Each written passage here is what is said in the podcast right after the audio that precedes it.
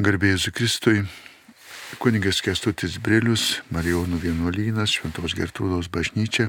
Kalbėsime šioje katekezėje apie vieną iš Vatikano antro susirinkimo dokumentų. Tai yra enciklika Dei Verbum Dievo žodis apie šventą raštą Dievo žodį, kuris atsidūrė švento rašto knygose. Šiandien kalbėsime apie šios enciklikos Dei Verbum Dievo žodis trečią skyrių, kurio pagrindinė tema švento rašto įkvėptumas ir aiškinimas. Tai yra du dalykai. Pirmasis ties teiginiu, kad šventas raštas yra Dievo įkvėpta knyga Ką tai reiškia, kaip suprasti tą įkvėpimą, labai plati savoka, labai daugia prasme mūsų kultūroje, pradedant su meniniu įkvėpimu, kažkokia tai kūrybinė dvasia gale, kuri neretai nuveda į labai eksperimentinius tokius ieškojimus, bandymus, net kartais aklygatvius. Kai kalbame apie šventą raštą, apie šią ypatingą knygą, pirmasis žodis šventas raštas jau mus sieja su Dievu, antra, kad tai yra raštas. Ir trečia, kad tai yra Dievo žodis tame rašte. Visų pirma, ką reiškia šis apibrėžimas, paaiškinimas, tikėjimas, apreiškimas, tradicija būtent šis Dievo žodžio apibrėžimas yra remiamas, pagrindžiamas ne vieno ar kito žmogaus, ne vieno ar kito tyrimo medžiaga tik tai, bet iš tikrųjų visa tikėjimo tradicija. Pirmiausia, tai tikėjimas, toliau apreiškimas ir tradicija, o taip pat ir kaip ji auga. Ir pagaliau Trečiajame skyriuje kalbame apie patį šventą raštą, kaip jį aiškinti, išdėstyti, atskleisti, perteikti tą prieiškimą Dievo mintį, tą gilę Dievo mintį, kurią niekada žmogus iki galo nesupras, ne, neišsems, nepaims į savo gan ribotus proto paėgumus. Taigi, šventas raštas reikia atsižvelgti ir į žmogiškasias, ir į dieviškasias jo savybės. Dievo žodis šventame rašte kaip ir įsikūnės žodis, Dievo žodis yra žmogiškos ir dieviškos autorystės bendravimas, bendradarbiavimas, išraiška. Dei verbum kaip estafetė, tas bėgimas tarp šventos dvasios ir katalikų bažnyčios iš tikrųjų tik pakartoja esminį švento rašto apibrėžimą, kuris buvo pateiktas Tridento susirinkime. Tridento susirinkimas 1545-1563 metai. Katalikų bažnyčios įvykęs susirinkimas Trento arkivyskupijoje esančiame Trento mieste Šventojo Romos imperijoje. Kad katalikų bažnyčia, teigia šis susirinkimas, visą Senojo ir Naujojo testamento knygų rinkinį, visą Senąjį ir testamentą, naująjį knygas su visomis jų dalėmis priima vientisai kaip šventas ir kanoninės. Tai yra įteisintas. Istorinėme tų metų kontekste čia prasme tokia formuluotė buvo pateikta norint išsaugoti vadinamasias deutero kanoninės knygas. Tai yra antro kanono iš graikų kalbos deuteros antras kanonas knygas. Tai buvo Senojo testamento devynios knygos Tobito, Judito, Juditos, Makabėjo pirmą ir antrą, Siracido, Barucho, Esteros, Danieliaus išminties, pavadintos norinties atskirti nuo hebrajų Biblijos pirmojo kanono knygų, kuris buvo suformuotas 3-2 amžiuje prieš Kristų. Hebrajiškai parašytos antrojo kanono knygos buvo išverstos į graikų kalbą ir kartu su graikiškomis, tai yra dvi Makabėjų išminties knygos, įtrauktos į graikiškąją septagintą. Ta septagintą vertimą, taip vadinamą, ir iš ten pateko į lotyniškąją vulgatą, lotyniškąją vulgatą vertimą į lotynų kalbą, kuri buvo atlikta šventojo Jeronimo 383-406 metais. Atliktas švento rašto jo vertimas į lotynų kalbą. Tridento susirinkimas pripažino antrų kanų knygas autentiškomis ir patvirtino kaip katalikų bažnyčios kanoną. Protestantai antrų kanų knygas vadina apokrifais, tačiau tai turbūt, kai sako, jau jų problema. Antro kano knygas, dar vadinamas Seno testamento vėlyvaisiais raštais, kurias protestantai pagal savo supratimą, tai yra klaidas, klaidingai atmetė, kaip įsivaizduojamas apokrifus.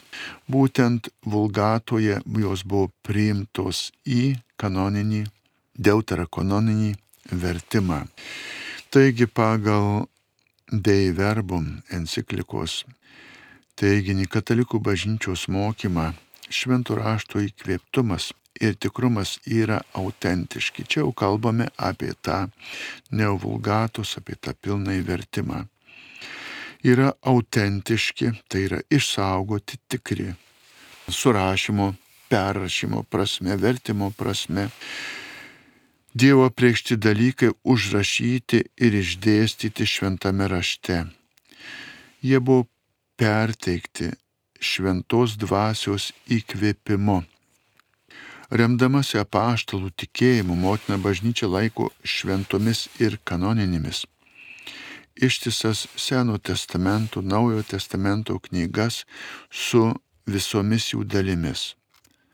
Ir dėl ko? Dėl to, kad jos surašytos žmogaus ranka, žmogaus kalba, bet šventos dvasios įkvėpimu, o jų autoris yra Dievas. Ir kaip tokios jos buvo perduotos bažnyčiai. Čia galime dirstelti į antrą Timotijaus laišką, trečias skyrius 16 eilutė. Visas šventas raštas yra Dievo įkvėptas ir naudingas mokyti, barti, taisyti, auklėti teisumui. Tokiu būdu apaštalas paremė ir patvirtina šį šventų rašto visuotinio teksto įkvėptumą iš Dievo. Pirmą kartą vulgata buvo išspausdinta po Tridento susirinkimo 1450 metais jau būtent šio rinkinio apimtimi. Ir Tridento susirinkimas vulgatą šį vertimą į lotynų kalbą pripažino autentišku ir vieninteliu teisingu Biblijos tekstu. Šitą pabrėžiu toliau remiantis šioji vulgata kaip vienintelis teisingas Biblijos autentiškas tekstas. Iki 20 amžiaus vadinamai vulgata Klementina buvo būtent 1592 metais jau oficialiai pripažintas pataisytas vulgatos leidimas ten ištaisus kai kurias kalbinės klaidas. Naujausias pataisytas ir oficialiai pripažintas vulgatos leidimas vadinamas Nova Vulgata Bibliorum Sacrorum Edicio jau buvo datuojamas 1979 metais. Nova Vulgata Bibliorum Sacrorum Edicio 1979 metai vėlgi visuotinės bažnyčios, kaip matome, vyko tas darbas su tekstais, su, su vertimo autentifikavimu, suvertimo išraiškų derinimu, pildymu, tačiau nekeičiant švento rašto kanono apimties ir būtent tos apreiškimo prasmės sampratos. Nors Tridento susirinkimas taip vadinama Trento ketvirto amžiaus lotynišką vulgatą apibrėžė kaip oficialią, kaip oficialų Romos katalikų bažnyčių šventą raštą, tačiau pati Dei Verbum enciklika jos nemini kaip esminio oficialaus švento rašto. Tik švelniai Dei Verbum 22 eilutė šeštas skyrius užsimena, kad katalikų bažnyčia visada gerbė ir kitus rytietiškosius bei lotyniškosius vertimus, ypač vadinamą vulgatą.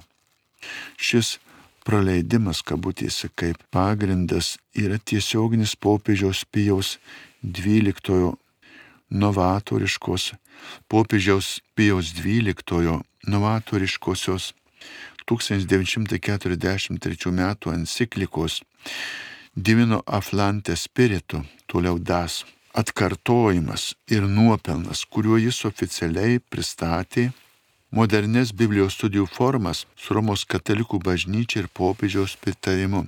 Pagražinu, pakartoju Divino Aflante Spiritu. Popiežius Pijus XII 1943 metais šią encikliką Divino Aflante Spirito pristato ir patvirtina jau naujųjų amžių biblistikos tyrimų rezultatus, pataisas, visą kitą, ką jie ten tais formas pristato, bet kartu ir pabrėžia, kad katalikų bažnyčia vertina, priima ir tais senasias kita kalbės švento rašto vertimų formas, studijų formas. Tuo popiežius Pijus XII skatino mokslininkus dirbti originalų kalbomis ir paaiškino šitoje DAS enciklikoje Divino Aflante Spirito, Spiritu paaiškino, kad vulgatos kodifikacija taikoma tik viešajam, tai yra liturginiam švento rašto vartojimui lotynų bažnyčioje ir jokių būdų nesumažėjo originalių tekstų autoritetas ir gale. Tariant paprastą kalbą, Lotynų kalba priimtas vertimas visuotiniai bažnyčiai, liturgijai, tai yra skaitiniams, tai yra studijoms, pateikimui, aiškinimui, netmeta to darbo, kurį bažnyčia ėmėsi, vedė per amžius, dirbdama ir su kitais švento rašto kalbų tekstais, kitomis kalbomis.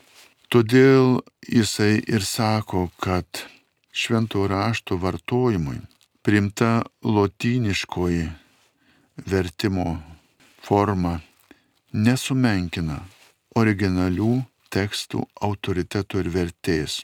Tai yra turėti ankstesniai vertimai, kurie ir buvo paimti vulgatos pagrindu, toliau lieka kaip tyrimo objektas, kaip autentiškas istorinis švento rašto šaltinis rašytinėje formoje.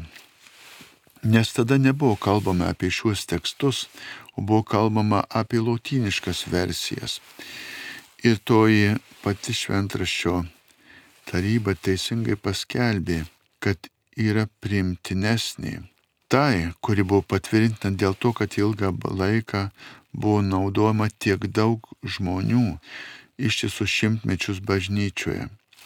Todėl šis ypatingas autoritetas arba, kaip sakoma, vulgatos autentiškumas nebuvo patvirtintas tiesiogiai susirinkimo, ypač dėl kritinių priežasčių, dėl tų visų diskusijų, kurios toliau tęsiasi, čia iš protestantiškos pusės, iš kitų biblistikos tyrinėjimų, keliamų klausimų svarstymo, bet greičiau tai buvo patvirtinta dėl jos teisėto naudojimo bažnyčiose per tiek amžių.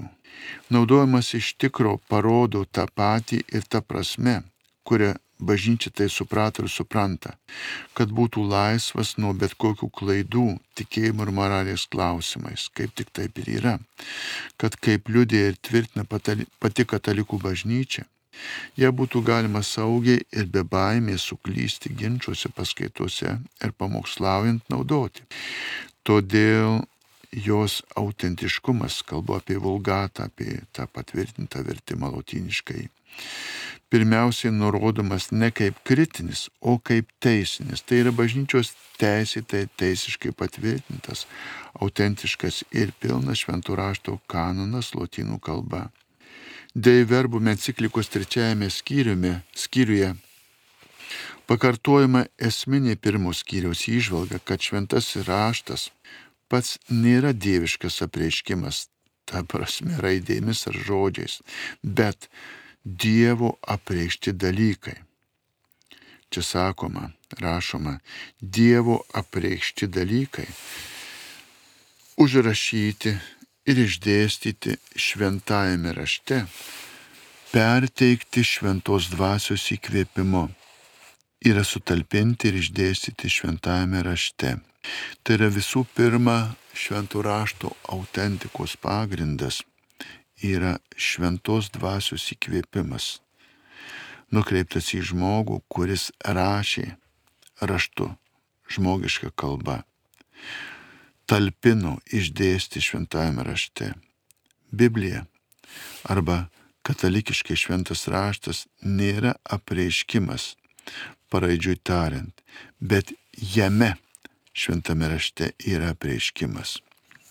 Tai yra nėra apreiškimas priklausantis nuo parašytos raidės, Bet parašytame tekste, kalbama apie Bibliją, yra apreiškimas Dievo valia ir noras išreikšti tai, ką jis norėjo savoje mintį, savoje prasme, išreikšti, perduoti žmogiškojų žodžiu.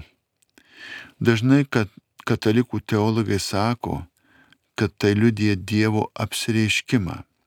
Tai yra pagrindinė ir įkvėpta priemonė kuria galime pasiekti apreiškimą.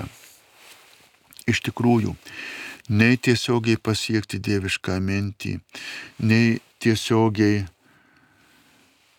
suprasti ją iki jos gelmių gelmės mes nepajėgime. Todėl Dievas nusprendžia apreikšti, ištarti žodį, žmogiškai žodį. Dabar taip pačia prasme galime klausyti, kokia prasme tad Dievas yra Biblijos autorius.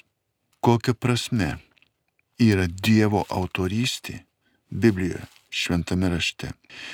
Dei verbum šeštas skyrius dieviško apreiškimu sako, Jisai Dievas norėjo skleisti save ir tai, kas jo amžinai nuspręsta apie žmonių išganimą siekdamas, cituoju, pasidalyti dieviškais turtais, kurie pranoksta bet kokį žmogaus supratimą. Vėl kartoju, Dievas norėjo skleisti save ir tai, kas jo amžinai nuspręsta apie žmonių išganimą, siekdamas pasidalyti dieviškaisiais turtais su mumis, turtais, kurie pranoksta bet kokį žmogaus supratimą. Kaip priimti šiuos žodžius? Tai yra jie mus pastato prie tos gelmės, tos apimties, to prasmės svorio ar dydžio, kaip pavadinti, kurį tiesiogiai žmogus prieiti, atskleisti, išreikšti yra nepajėgus. Dievas pats žengia šį žingsnį link savo kūrinio, link žmogaus. Ir jisai išsirinko žmonės, ir nusprendė su jais kurti šventasias knygas, tai yra juose suguldyti, palikti tą mums prieinamą technologinę formą, kaip sako, ant popieriaus, ant pergamento ar, ar akmenyje, ar, ar dabartiniais laikais kompiuterinėse laikmenuose tuos žodžius perduotų žmonėms, kuriuos jisai naudojo, kuriuos naudoja žmonės. Būtent žmogiškie žodžiai įsklidę įvairiomis kalbos formomis, įvairiomis gramatinėmis išraiškomis. Ir kaip mes matome, visos gyvosios kalbos toliau vystosi, toliau jos tobulėja. Pagrindiniu tikslu - atskleisti sumanimo, minties, esimo arba būties prasme, perduoti ją kuo pilnesnius santykius su tikrove, tai yra tiesoje ir patys suprantame iš lingvistikos, yra kalbų, kurios te turi vos kelis tūkstančių žodžių, net yra kalbų, kurios turi kelias šimtus žodžių, tos primityviosios jau nykstančios. Ir yra kalbų, kurių žodynai yra šimtai tūkstančių žodžių. Ir jų prasmės taip pat ryškinamos, aiškinamos, jas labiau atskleidus, kuriami nauji prasminiai žodiniai junginiai išraiškos įvairios formos, sinonimai, antonimai, literatūrinės priemonės, atsižvelgiant į žmogaus proto kūrybingumą, į tą dovaną, žmogaus prigimtyje kurti žodį ir pripildyti jį prasmės. Taigi, kurti šventasias knygas Dievas išsirinko žmonės, kuriuos jisai naudojo, kai jie patys, vartodami savo sugebėjimus, protinę jėgą, kūrybingumą, dovanas, darybės. Ir Dievas veikdamas su jais ir per šias savybės, primdamas šiuos žmonės kaip tų žodžių bendra autorius, pasiryžo rašyti viską, ėmėsi surašyti, bandė surašyti ir sėkmingai surašė. Ką Dievas norėjo ir, vėl ačiū Dievui, ir šių žmonių išmintingam klusnumui. Tik tai, ko Dievas norėjo, surašė žmogiškai žodžiai šventame rašte. Taigi, visa, ką įkvėptieji autoriai arba hagiografai. Hagiografas iš graikų, graikų kalbos hagijos šventas, grafo rašau. Dėsto tai, kas turi būti laikoma ir kas šventame rašte išdėstyta. Todėl išpažintina, kad šventas raštas tvirtai, ištikimai ir be klaidos moko tiesos, kurie Dievas panoro pateikti šventosiuose knygose mūsų išganimui. Teiginio esmė yra ta, kad žmonės parašė Bibliją šventą raštą, yra tikrieji jos bendraautoriai, jie tikrai tai parašė. Pats Dievas neparašė Biblijos. Jis neėmė priemonės, neieškojo pagrindo pergamento ar popieriaus. Tai padarė žmonės. Bet Biblija yra dieviška. Tai yra šventa. Priešingai, Dei verbum sako ir vis dar vadina Dievą Biblijos autorių. Čia sakome Dei verbum. O jų, tai yra tų žodžių, autoris yra Dievas. Ir kaip tokios, čia aš įdedu šventraščio knygos, buvo perduotos bažnyčiai. Kaip matote, šiąją encikliką Dei verbum, čia akcentuojama tas esminis dalykas.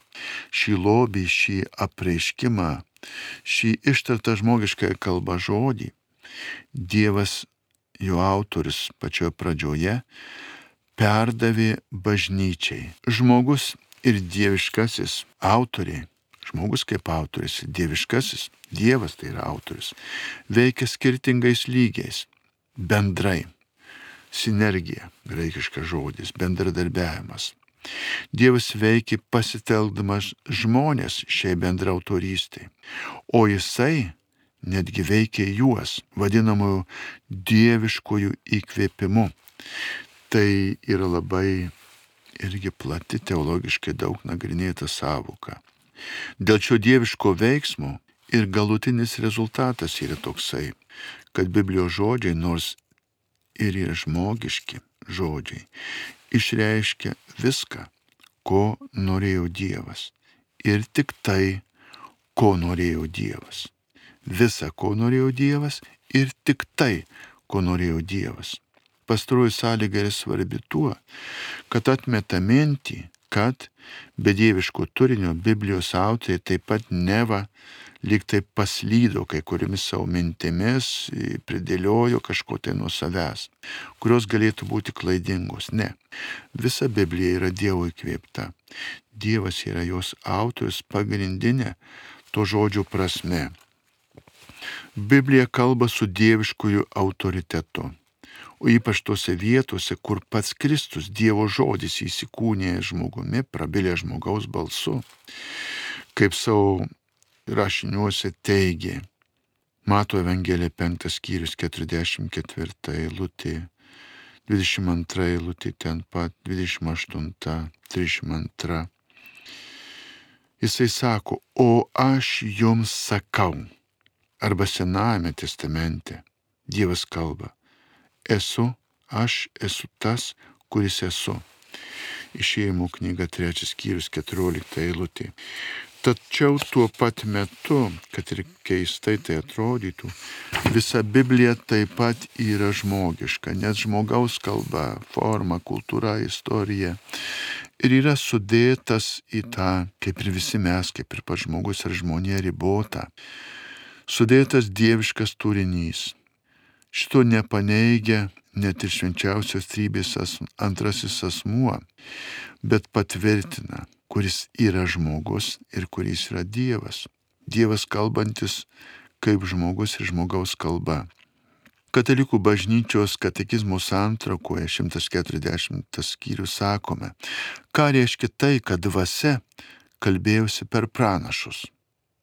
Savoka panašiai čia žymi tuos, kuriuo šventoji dvasia įkvėpė kalbėti Dievo vardu. Taigi šią Dievo veiklą jau turime tose pradinėse knygose, kai Dievas kalbėjo per žmonės. Mes taip pat turime tokį reiškinį. Pranašystės dar reikėdavo aiškinti. Išaiškinti, kaip ten randame šventame rašte. Savoka panašiai čia žymi tuos, kuriuo šventoji dvasia įkvėpė kalbėti Dievo vardu. Seno testamento pranašystės dvasia visiškai įgyvendina, Kristuje išpildo, kurios lėpnė skleidžia Naujajame testamente. Dievas šventą dvasę teikia įkvėpė Seno testamento pranašams su saiku, o Jėzuje Kristuje jau pilnatviškai. Be saiko. Jono Evangelija pirmas skyrius 32 eilutė Jonas paliudė, aš mačiau dvasę lyg balandį nusileidžiantį iš dangaus ir ji pasiliko virš jo. Apaštalų darbų Antras skyrius trečia eilutė sako, jiems pasirodė apaštlų darbų, antras skyrius trečia eilutė rašo, jiems pasirodė tarsi ugnies liežuviai ir jie pasidalyje nusileido ant kiekvieno iš jų. Matome, kaip tiesiogiai žengia šventoji dvasia. Kažkas gali paprieštarauti, ar nevadiname Biblijos Dievo žodžiu. Pavyzdžiui, Dievo žodžio liturgijoje. Po kiekvieno skaitimo mišiuose sakome viešpatie žodis verbum domini. Taip ir vadiname, ir teisingai. Tačiau šis posakis turi būti teisingai suprantamas, kaip jį apibrėžė De Verbum enciklikos antras skyrius. Tai yra šventasis raštas yra Dievo kalba tiek, kiek ji įrašoma, kaip pučia dieviškoji dvasia. Mat šventasis raštas yra Dievo kalba ta prasme, kad parašyta šventos dvasios įkvėpimu, o šventoji tradicija Jėzaus Kristaus ir šventos dvasios patikėta apaštalams Dievo žodį nepažeista perdoda jų įpėdiniams. Įdant šie tiesos dvasios nušviesti ištikimai jį saugotų ir aiškintų čia išdėjai verbum. Taip pat trečiajame skyriuje kalbame apie Dievo žodžius išreikštus žmonių kalba. Biblija nėra Dievo žodis absoliučia prasme, kad kažkas tiesiogiai klauso Dievo balsą.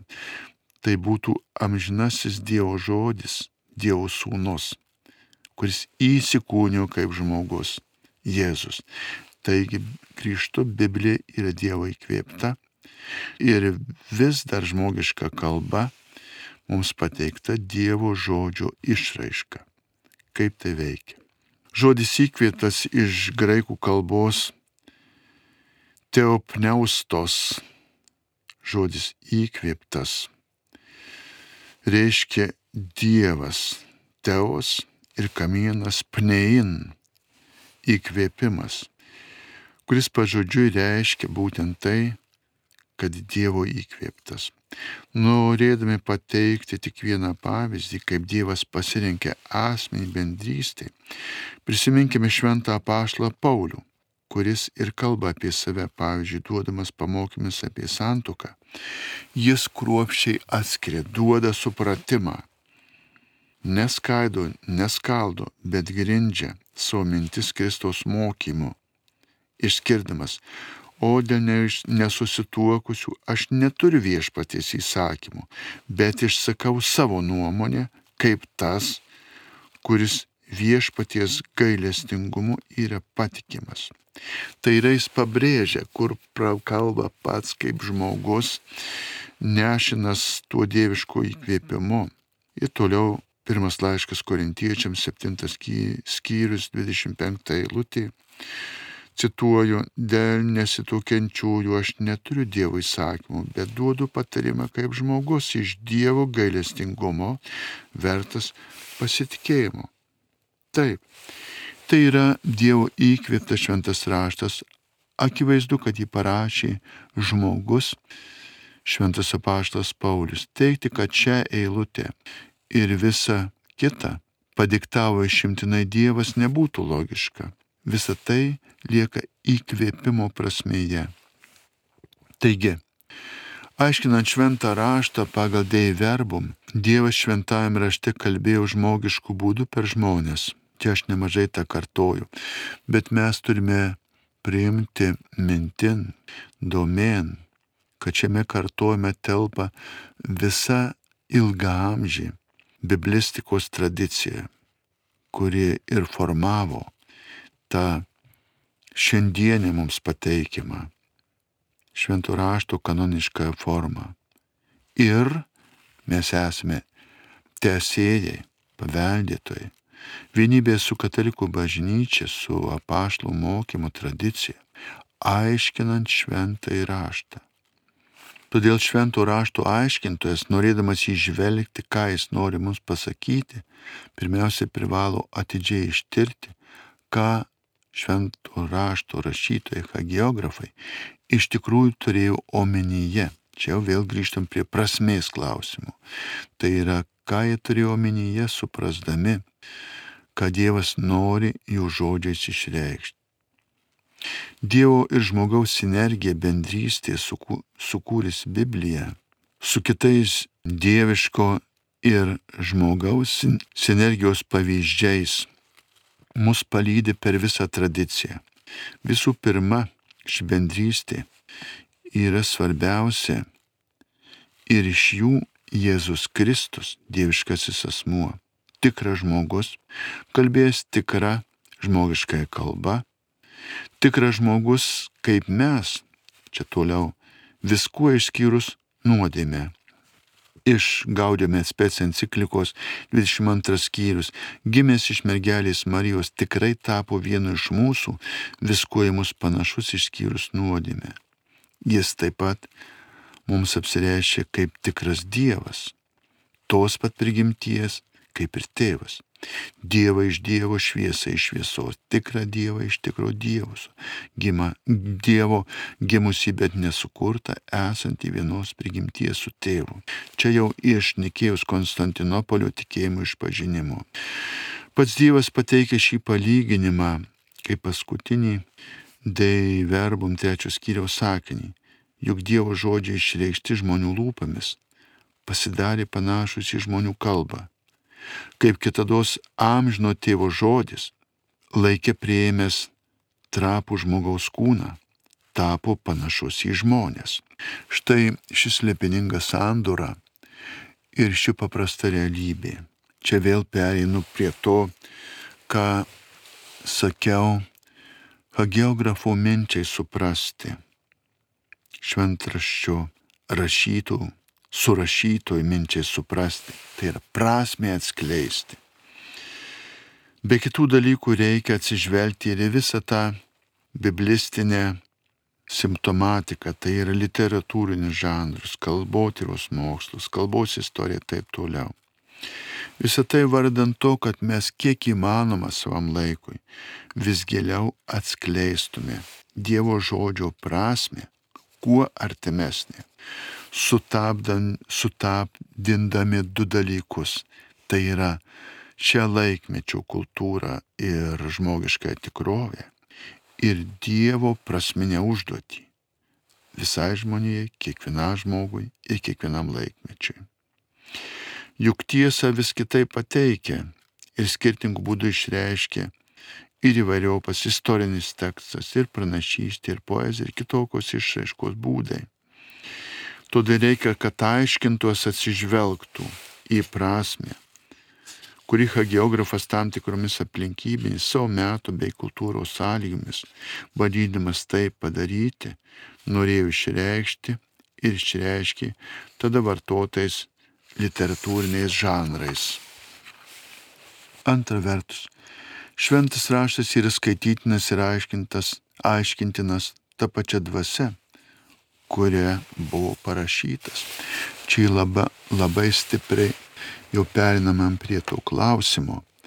Ne tik to Dievo dvasia įkvėpė, surašė, su žmogaus pagalba perdavė, bet ir jį skaityti šventraštį, taip pat suprasti. Reikalingas šventos dvasios veikimas. Taigi matome, kaip šio dėjai verbum konstitucijoje visa tai jau susijungia į vientisą darbo užduotį. Joje pateikta sintezė iš esmės liekanti tarp išlyk, išliekamą vertę turinčių patristinės teologijos įžvalgų ir naujųjų modernistinių metodologinių sampratų. Būtent tuo šio idėjų verbų enciklika ir vertinga, kad leidžia, kaip sako, visiems iš visų kraštų išminčiams susitikus. Šventos dvasios šviesoje dėka ir pastangoje ieškoti to pilnesnio šventraščio žodžių prasmės atskleidimo. Čia sakoma. Taigi šventame rašte pasirodo įstabus Dievo tiesos ir šventumo niekada nemažinas amžinosios išminties prisitaikymas prie mūsų. Kad pažintume neapsakomą Dievo maloningumą ir kaip jis rūpestingai atsižvelgdamas į mūsų prigimtį, prisiderino savo kalbą. Ir vėlgi grįžtant prie Lumengencijum, kalbant apie vėl kitą encikliką, Presbyteriorum ordinis, jau sustoju prie mūsų užduoties, kunigų kaip viskupų bendradarbių. Pirmutinė pareiga yra žodžio skelbimas. Čia iš Presbyteriorum ordinis. Jie būna apdovanoti ypatingą rašto aiškinimo charizmą, kai perteikdami ne savo mintis, bet Dievo žodį, taiko amžinąją Evangelijos tiesą konkrečioms gyvenimo aplinkybėms. Kunigams ir diekonams, ypač teikiant sakramentus, dera iškelti aikštėn ir žodžio vienybę, Dievo žodžio vienybę bažnyčios tarnyboje. Todėl pateikia šias gan sudėtingas išraiškas išdėjai verbum. Norėčiau tiesiog pridurti tą ir savoje patirtinę dalį. Man labai įdomu yra stebėti ir neturi savo atsakymo. Šventos Gertrūdos bažnytėlė yra šventraščio knyga ant pulto padėta. Na ir toks nemažas, kai sako, formatas Aš ją padedu visada taip atversdamas maždaug ties vidurio. Matau, kad žmonės skaito, paverčia į vieną, į kitą pusę. Na, ir toks įdomus pastebėjimas. Kažkodėl visada randu ją perverstą arčiau pabaigos. Tai taip fiziškai man gražiau, kad ta sunki knyga guli maždaug simetriškai ties vidurio atversta bet nežiūrint jo svorio, kažkas verčia, kažkas eina, tai lapas po lapo ar skyrius po skyriaus, link jos pabaigos, link jos atbaigimo. Iš tikrųjų, tai, ką Dievas perteikia, ieškoti tos minties, pirmiausia, reikia skaityti šventą raštą. Antra, reikia prie jo prieiti. Pačiame šventame rašte Kristaus nurodyta poziciją, kurią jis dėkoja. Ačiū, kad tai apreiškė mažutėlėms ir paslėpė nuo gudriųjų, išmintingųjų. Prieiti prie švento rašto kaip tas mažutėlis. Esu mažas. Asmeniškai niekada nebuvo gana to, ką seminarė apie šventą raštą teko skaityti.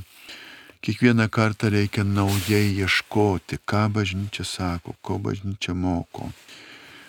Jeigu kalbant apie savoje patirtį, einant šventraščio lapais ir gyvenimo keliais, stengiuosi vis rasti kokią nors eilutę ir paimti ją į savo gyvenimą. Tai viena, tai kita. Ir darant gyvenimo sprendimus, paskui kažkaip dirsteli ir randi ova. Šventame rašte irgi taip rašo. Reiškia gerai galvoju. Vėl randi, o šventame rašte va taip pasakyta. Ir jau kažką atrandi, reiškia teisingą žingsnį darau. Ir kalbant su žmogu, žmogumi vėl žiūri, aha, ir šventame rašte taip sako, ir bažnyčia taip moko, ir bažnyčia taip aiškina. Ir tada mes liekame to šventos dvasios vienybėje. Kaip pavyzdį galėčiau sakyti, mūsų toji Kristaus žodžio apimtis. Apaštai paprašė, kaip kalbėti su Dievu. Pamokyk melstis. Ir Kristus pamokė, jisai pasakė, Tėve mūsų. Štai šie du žodžiai. Nuo paauglystės pasiryžau, bandau, noriu, nors kartą gyvenime sukalbėti šią maldą tobulai, taip kad nereikėtų jau tobuliau.